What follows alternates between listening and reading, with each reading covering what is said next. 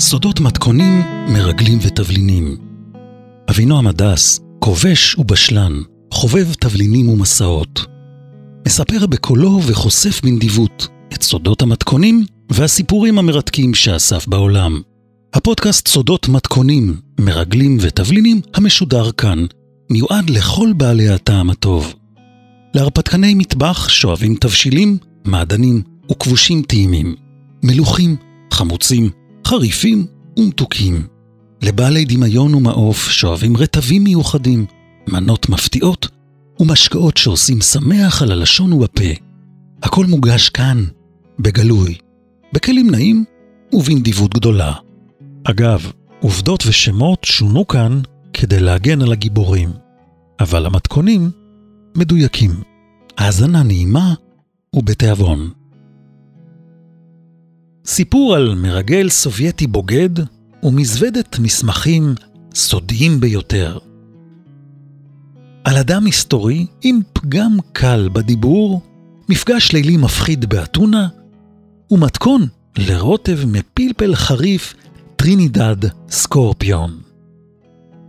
תקציר הפרק הקודם, סיפור על מרגל אחד סובייטי שגנב סודות, על מצבורי נשק ממולכדים שפיזר הקג"ב באירופה, על אדם שיש לו לפעמים אס סורקת, שורקת, וגם סוד המתכון הכי ממכר לרוטב הר געש מפלפל חריף מסוג טרינידד סקורפיון. כזכור, הכל התחיל בצלצול טלפון בשעה שלוש בלילה, ומטלפן אלמוני שיש לו לפעמים פגם קטן בדיבור, ולפעמים יוצאת לו אס סורקת, אש. וכשמסיים כל משפט בהמהום מוזר, אדם שארגן לי פגישה חשאית עם מקור מידע, נכס ממש, אדם שהיה סוכן של הקג"ב הסובייטי, ושמוכן להעביר לידיי מסמכים סופר סודיים. המסמכים האלה אמורים או יכולים לחשוף בוגדים ישראלים או מרגלים סובייטים שפועלים בישראל. אנשים שפועלים נגד המדינה.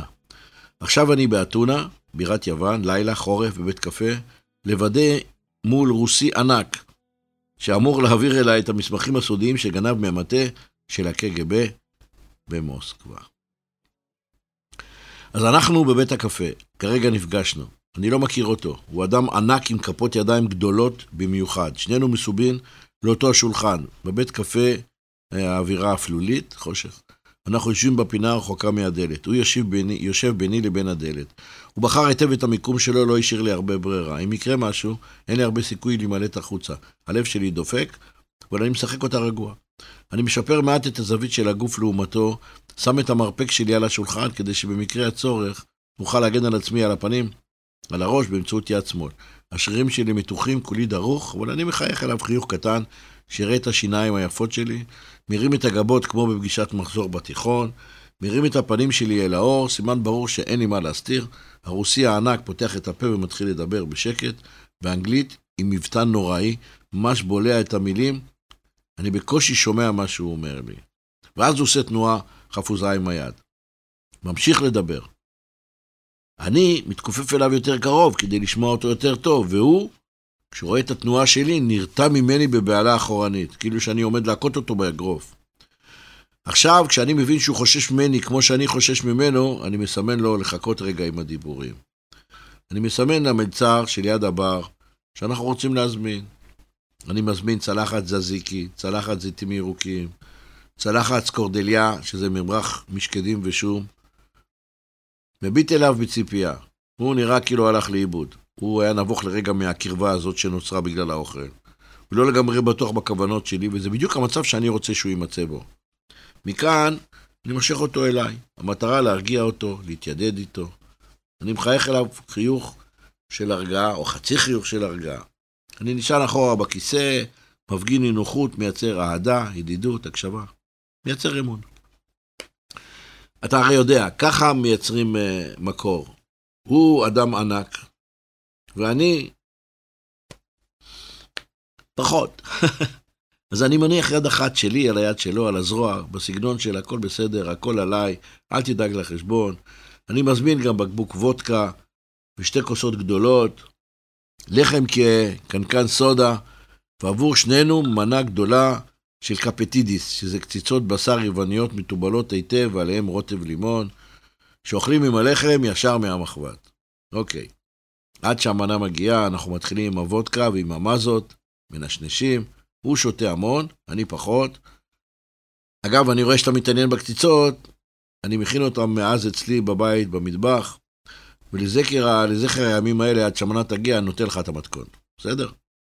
לוקחים חצי כוס שמן, שמן טיגון, חצי כוס מיץ לימון, חמישה תפוחי אדמה מקולפים ומגוררים, אחד קילו בשר בקר טחון, אחד בצל לבן קצוץ, אחד כוס פירורי לחם, אחד כוס פטרוזיליה קצוצה, אחד כוס עלי מנטה, מיובשים ומרוסקים, חופן עלים של בזיליקום יווני, חצי כפית קידמון טחון, גרידת לימון מלימון אחד, שתי ביצים תרופות, אחד וחצי כפות מלח, אחד כפית פלפל שחור גרוס טרי, שמונה פלחים מלימון, וככה מכינים את הקציצות. שמים את השמן במחבת ומדליקים את האש. עכשיו, מוזג את מיץ לימון לתוך קערה. מוסיף תפוחי אדמה שגיררתי בפומפייה. מוסיף לקערה את בשר הבקר, הבצל, פירורי הלחם, הפטרוזיליה, עלי המנטה, הבזיליקום הטרי, הקינמון, גרידת הלימון, הביצים, המלח והפלפל. עם הידיים, עם האצבעות, מערבב היטב טוב, לש, לש, לש, העיסה נעשית דביקה, ועכשיו אני לוקח מהתערובת שנוצרה ומעצב ממנה בכף היד כדורי קציצות בעובי בערך שניים וחצי, ככה, סנטימטר על חמישה. מכניס את הקציצות בזהירות לתוך השמן הרותח בקבוצות קטנות. למה קבוצות קטנות? כדי לא להוריד את הטמפרטורה של השמן. מטגן כל קבוצה כ-8-7 דקות. מגישים את זה בצלחת שטוחה עם פלחי לימון, ומטפטפים מלמעלה עוד לימון טרי. ואוכלים את זה עם לחם שחור. רשמת את המתכון? אוקיי. בואו נחזור לאוקטובר 91 באתונה. כשהמחבת מגיעה לשולחן, עם חצי לחם פרוס לפרוסות אבות, אני מסמן לו עם היד ובהנהון של הראש על האוכל. אנחנו אוכלים בשקט. שני גברים זרים, רחוקים מהבית, יושבים בבית קפה קטן באתונה, בחורף. אנחנו עדים אחד על השני מעט מאוד, ויחד עם זאת מגלים סוג של שותפות. כנראה בגלל העיסוק המשותף, בגלל שותפות הגורל, לא בגלל האוכל. הקציצות טעימות מאוד. הוא אוכל מהר. נעזר באוכל ובלחם, שותה חצי כוס וודקה אחרי כל קציצה. הבקבוק מתרוקן במהירות, ואני נזהר עם אלכוהול. למרות האינטימיות לכאורה שנוצרה מסביב לשולחן, הערנות שלי בשיאה. שלא יהיה הבנה, הלב שלי דופק. מסיימים לאכול, המלצר מפנה את המחבת ואת פירורי הלחם מהמפה, והרוסי הגדול מוכן להתחיל לדבר, אני מוכן להתחיל להקשיב. מרוכז בכל אות שהוא מבטא. ואז אני מסתכל מסביב, אף אחד לא שם בינינו לב, אני מעניין לו, תתחיל. והוא מספר, הוא מספר לי שהמטרוכין הזה היה ארכיונאי בכיר במטה מודיעין החוץ של הקג"ב, אבל מסתבר שמתחת לפני השטח הוא היה מתנגד משטר. במשך יותר מעשור, מספר לי הענק הרוסי הזה, מטרוכין ההוא, לקח מסמכים חשאיים הביתה. גנב. העתיק אותם, ואז הקליד אותם וערך אותם לכרכים. החביא את המסמכים האלה אצלו בבית. היום, דרך אגב, כשאני נזכר בסיפור הזה ומביט לאחורה, לא מזכיר לך את הסיפור של יונתן פולארד. אז היה יונתן פולארד רוסי. ממשיך הרוסי הגדול שלי, אחרי שמלא בוודקה, הוא ממשיך ומספר לי שמטרוכין לקח ערימה של מסמכים גנובים כדוגמה, ונסע למדינה בלטית אחת, שהוא לא רצה להגיד את השם, עם המסמכים שהוא גנב מהבסיס שלו, ניסה להיכנס לשגרירות ארצות הברית. אנשי אבטחה שם נבהלו ממנו, חשדו בו, דחו אותו. ממש זרקו אותו מכל המדרגות. הוא היה די מיואש, ואז היה לו רעיון אחר. הוא הלך והציע את המסמכים האלה לשגרירות בריטניה. האנגלים קיבלו אותו, היו עמומים ממה ששמעו וממה שהביא להם. והרוסי הענק, שעל השפם הגדול שלו יש עדיין פירורים מהלחם, מספר לי כל מה שהוא יודע. שהמסמכים חושפים גם סוכנים סובייטים שהטמינו כלי נשק וציוד תקשורת במקומות חשאיים במדינות שונות החברות בברית נאט"ו, וכנראה גם בישראל. בין השאר כוללים המסמכים גם מפות של ערים וציון של סליקים, משלשים, של נשק שהוטמן עם הוראות מפורטות, כדאי למצוא אותם. אגב, עד היום לא ברור לי מה מכל כלי הנשק האלה, אה, שהם הטמינו, אנשי הקג"ב באירופה, נמצאו על ידי ממשלות המערב, שקיבלו את המסמכים דרך אגב. וכמה סליקים עם אה, כלי נשק ממולכדים עדיין קבורים ומוצפנים בערים שונות באירופה. אי אפשר לדעת. אבל, 1991, בית קפה באתונה. אני עם הרוסי הענק והשבע מהקציצות ומלא בוודקה שלי.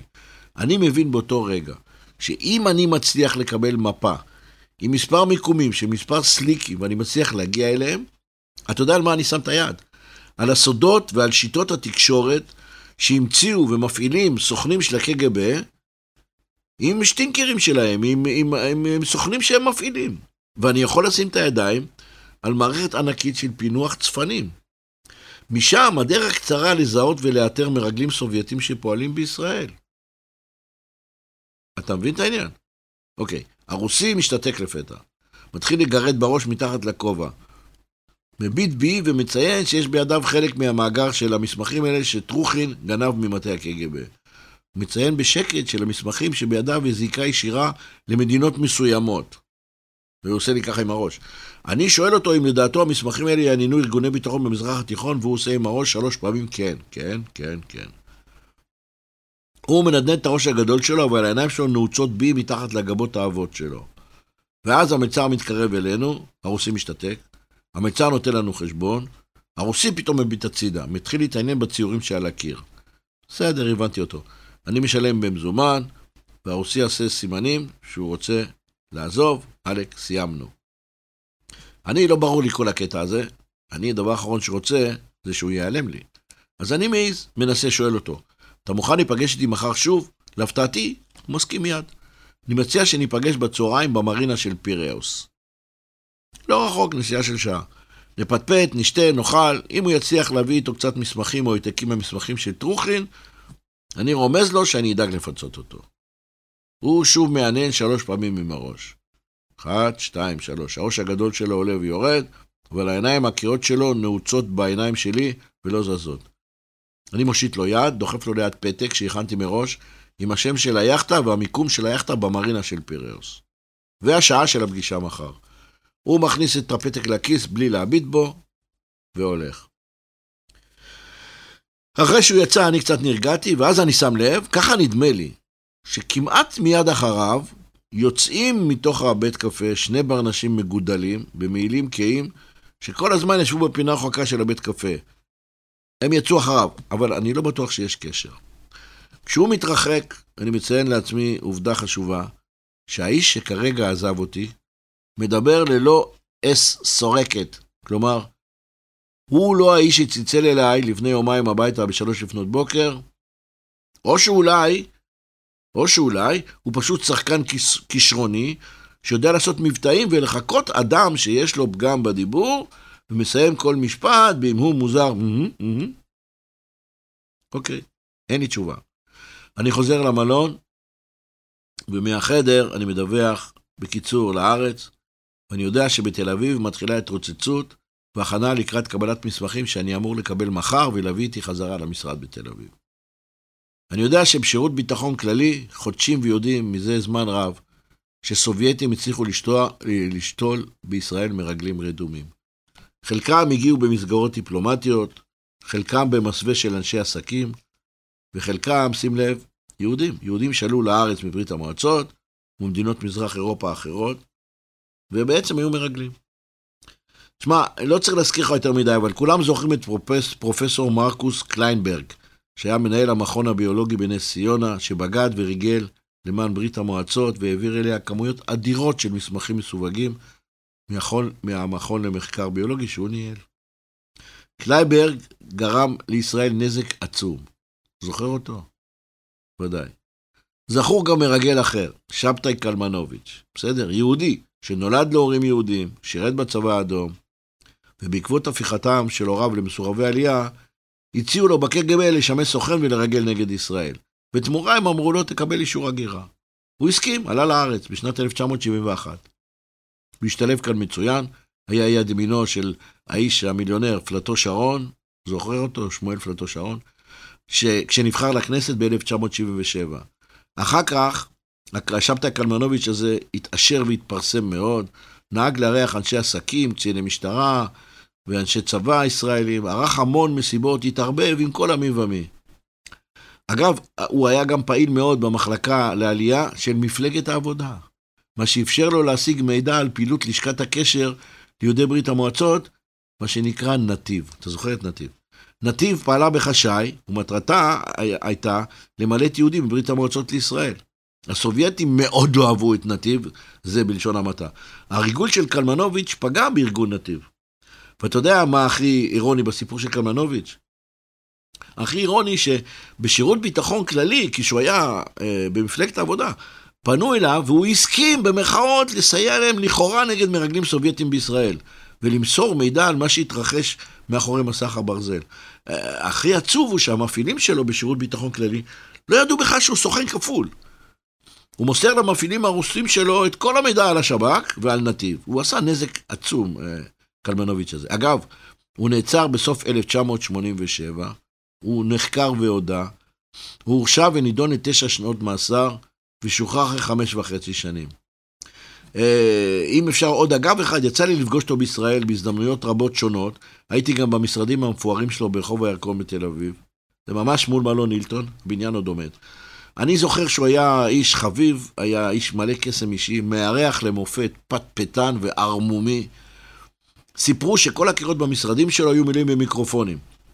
המרגל הזה, שבתאי קלמנוביץ', היה נשוי שלוש פעמים. אחרי שהוא השתחרר מבית הסוהר בארץ, הוא עבר למוסקבה. ואתה יודע מה?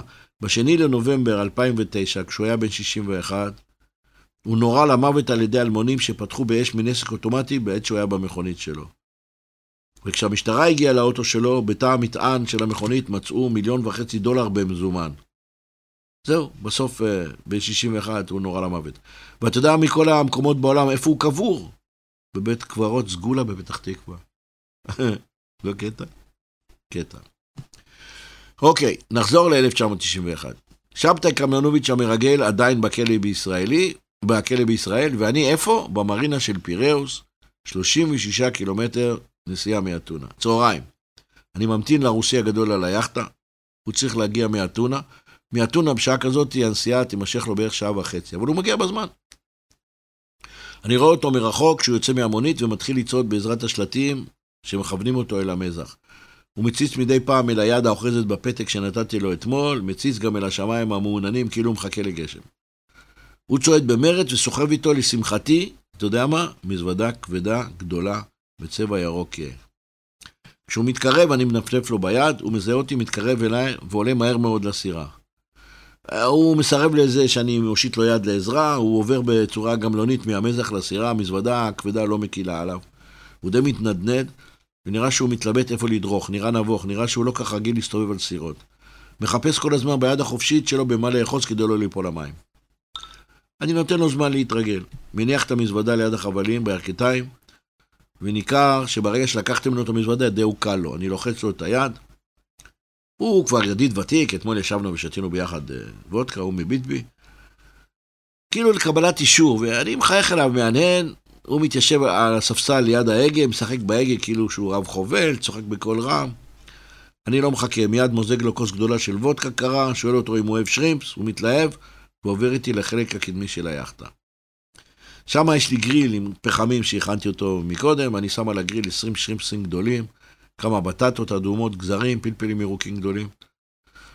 בינתיים חוזרים אחורה ואני מציע לו לשבת על הכורסה הלבנה כשהפנים שלו מול הדגל היווני שקשור לתורן על הירכתיים.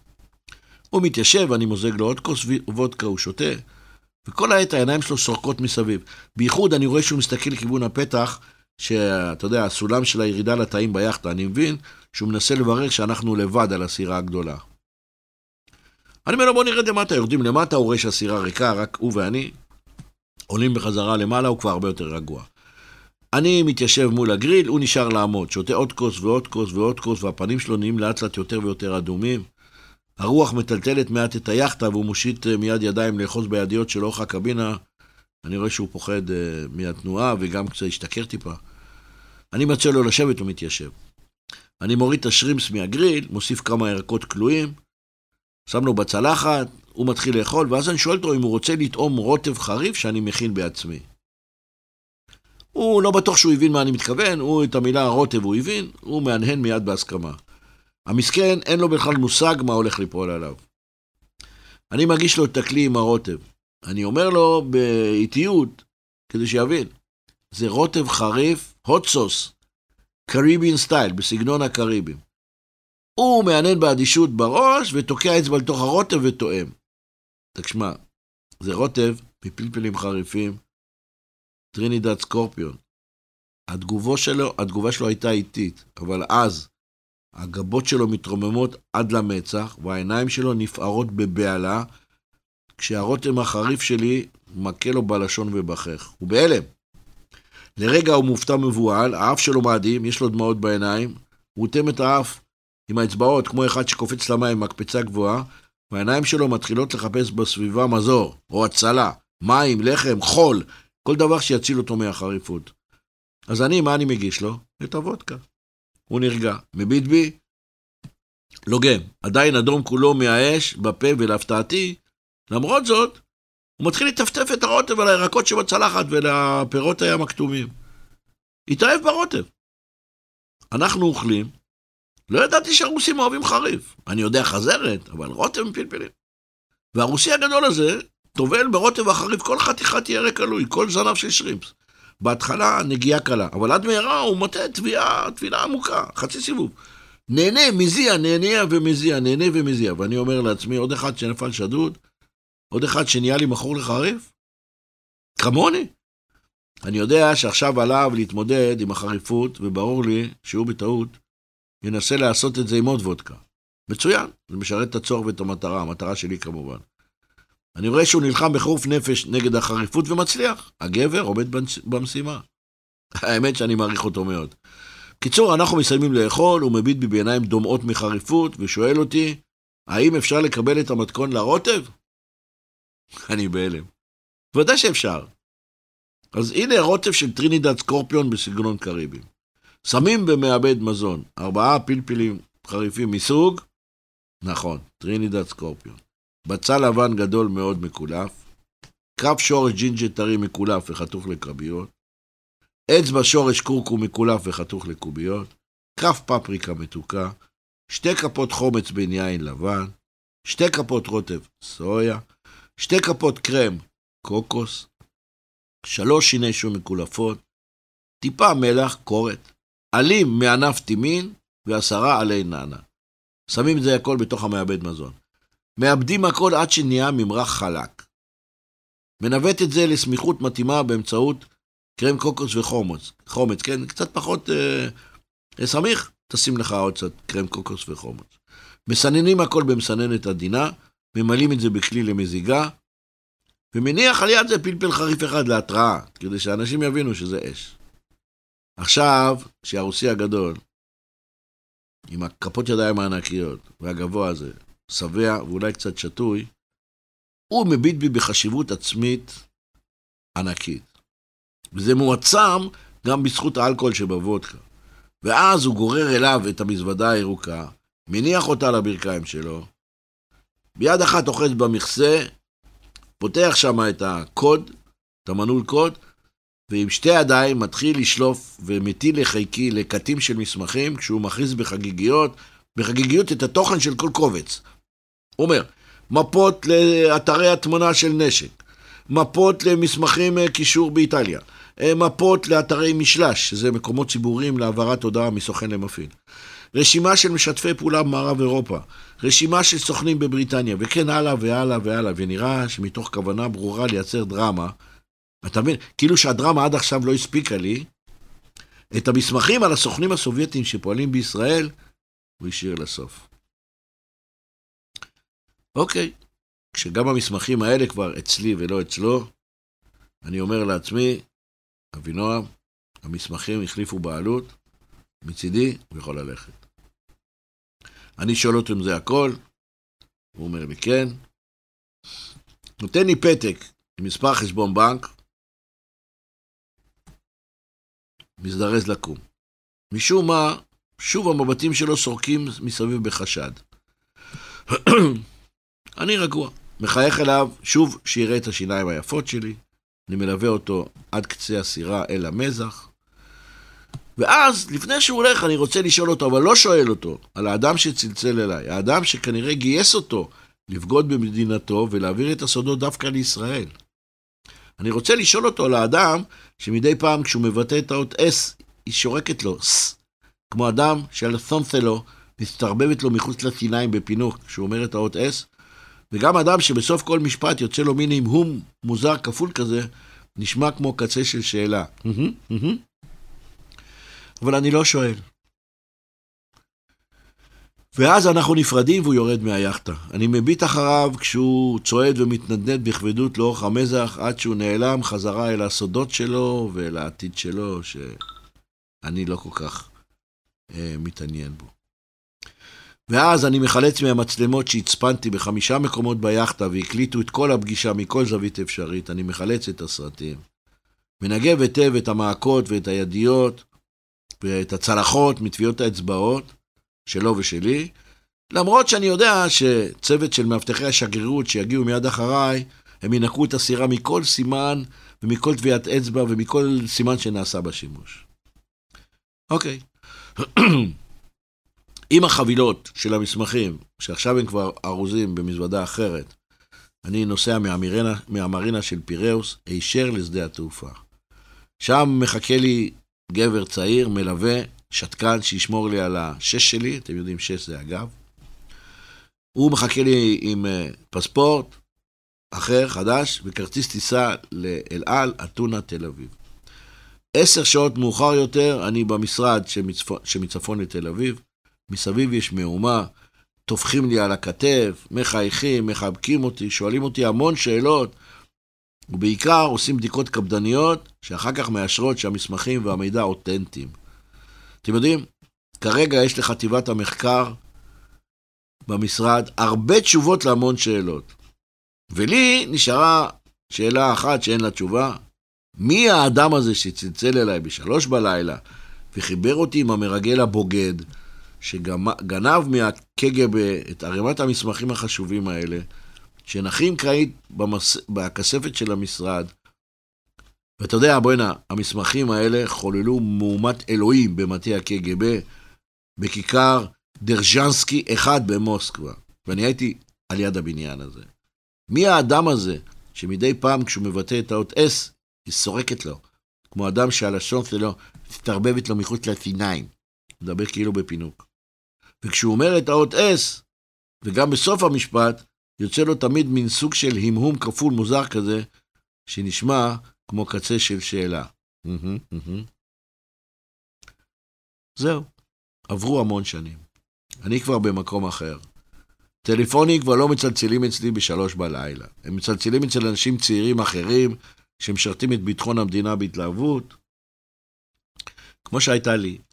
אני כבר לא מבלה יותר בנסיעות בהולות ממדינה למדינה בלילה בכל מיני זהויות כדי לפגוש אנשים מסוכנים בכל מיני בתי קפה חשוכים ואפלוליים, עם ריח של טיגון. במקום זה אני נוסע במחלקות עסקים, לפגוש ולעבוד עם בעלי חברות, עם אנשי עסקים בינלאומיים ועם ראשי מדינות. מבלה את הזמן שלי בחדרי ישיבות של מלונות גדולים ובקבלות פנים חגיגיות במסיבות קוקטייל עם מדינאים ודיפלומטים. הנה, למשל, ב-14 ביולי, קיץ, ערב חם במיוחד, אני מוזמן לאירוע מיוחד. ממש לא מזמן. מסיבת יום העצמאות הצרפתית בבית של שגריר, צרפ... אה, שגריר צרפת בישראל. לשגריר הצרפתי יש בית ביפו. בית גדול, יפה, וילה, משקיפה לים, בית מוקף חומה. באולם הגדול הציבו שולחנות יפים, מכוסים במפות לבנות, הגישו יין צרפתי ואוכל צרפתי מצוין. היו עשרות רבות של זוגות, של מוזמנים, מכובדים, כולם לבושים יפה, חגיגי, לפי הפרוטוקול. סביב כל שולחן יש עשרה סועדים, זוגות בדרך כלל, דיפלומטים, קצת פוליטיקאים ישראלים, הרבה נספחים צבאיים, נציגים מסחריים, המון לאומים, כולם מפטפטים כלפי עצמם בהמון שפות, ומפטפטים כלפי שכניהם בדרך כלל באנגלית. אחר כך כולם יוצאים אל המדשאה, מגישים עוד אלכוהול ומנות אחרונות וזיקוקים. יופי, הבית של שגריר צרפת ביום עצמאות הצרפתי, מה יותר טוב מזה? אני כרגלי מימים ימימה, אני עומד תמיד עם הגב אל הקיר. נשען. אל הגדר, מחזיק כוס יין ביד, משקיף מסביב. כן, זה הרגל שלי. בעיניים אני מחפש מכרים. מישהו שאני מכיר. משום מה, יש לי לפתע תחושה שמישהו מביט דווקא בי. זו תחושה מוכרת אה, שיש לי, מין סוג חוש שישי כזה. שאני מרגיש שמישהו מביט עליי דווקא עליי והרבה זמן. אני מתחיל לחפש עם העיניים מסביב, מחפש, מחפש, מחפש, עוברת חצי דקה ואני מוצא אותו. אני רואה גבר גבוה, לבוש בחליפה כהה, מסופר קצר כמו חייל, עומד במרחק חמישה מטר ממני, מתנדנד מעט מרגל לרגל, הוא עומד לבד. הוא מביט בי בסקרנות ובריכוז. מקמט את המצח. ואז, מה הוא קולט? הוא קולט שאני מביט עליו בחזרה, אז הוא כופה במקום, ואז רוכן קדימה ומתחיל להתקרב אליי. יד אחת שלו, יד ימין, בכיס. היד השנייה אוחזת כוס בירה ריקה, וכוס בירה כבדה גדולה כזאת היא ריקה. והוא מתקרב אליי לאט, לאט, לאט, ונעצר ממש מולי. אני יכול להריח את הבירה מהפה שלו. והוא לא מוציא מילה. מביט בי בריכוז. פתאום מחייך מין רבע חיוך, שולף את היד מהכיס, ומושיט לי כרטיס ביקור שכתוב ברוסית. אני לא קורא רוסית, אני הופך את הכרטיס לצד שני, מתאר לעצמי שיש אנגלית בצד השני, ומה אני קורא? אני מזהה שמדובר בבעל תפקיד בכיר מאוד מאוד מאוד מאוד בשגרירות רוסיה בישראל. השם לא מוכר לי, גם המראה לא מוכר לי. נתן לי כרטיס ביקור, אמרתי בסדר. אני מעניין אליו בחיוך, שם את הכרטיס שלו בכיס של החולצה, ואז גם אני שולף מהכיס של הז'קט כרטיס ביקור שלי ומושיט לו. ציפיתי שהוא יסתכל לראות אה, את השם. להפתעתי, לוקח את הכרטיס ומכניס אותו לכיס של המכנסיים אצלו בלי להביט. טוב, נתתי לו כרטיס ביקור, הוא לא מסתכל לראות איך קוראים לי. אז אני מקמט את המצח בשאלה, ואני מרים את הגבות ככה. ולשבריך שנייה, שוב מוס, מופיע לו על השפתיים הרבע חיוך הזה שלו. הוא מושיט לי יד, אצבעות גדולות, יד קשה, כף יד שרירית, לוחץ לי את היד חזק, משהה טיפה את היד, ולוחץ שוב, ואז הוא מתכופף אליי מעט, בלי לעזוב לי את היד. והוא אומר לי בקול שקט באוזן, ואני מתרגם, והוא אומר, פעם אדם אחד קרוב אליי, חבר, סיפר לי שאתה יודע להכין את רוטב הטרינידד סקורפיון הטעים בעולם. שאומר את זה באנגלית, במבטא הרוסי, וזה נשמע פחות או יותר ככה, אני אגיד את זה בלי המבטא. once, one person, a friend, told me that you know how to make the most delicious Trinidad scorpion sauce in the world. ואז הוא עוזב לי את היד, שוב מחייך אליי רבע חיוך, מסתובב ונעלם בין עשרות האורחים, ואני מסתכל אחריו ואני לא רואה אותו יותר. ואני מביט אחריו, האמת, המום. מוציא שוב את הכרטיס מהכיס, וקורא מה שכתוב על הכרטיס, על הכרטיס ביקור שהוא נתן לי. תפקיד מאוד מאוד מאוד מאוד בכיר בשגרירות רוסיה בישראל. ובראש מהדהדת לי ההכרה שבמשפט שהאיש הזה אמר לי, מופיעה אות אס חמש פעמים. והאדם הזה, האדם הזה, במשפט שהוא אמר לי, ביטא את האות אס סורקת. כאילו אדם שהלשון שלו משתרבבת לו מחוץ לסיניים בפינוק. ועוד דבר שמתי לב, שבשוף המשפט יצא לו מין סוג של המהום כפול מוזר כזה, שנשמע כמו קצה של שאלה.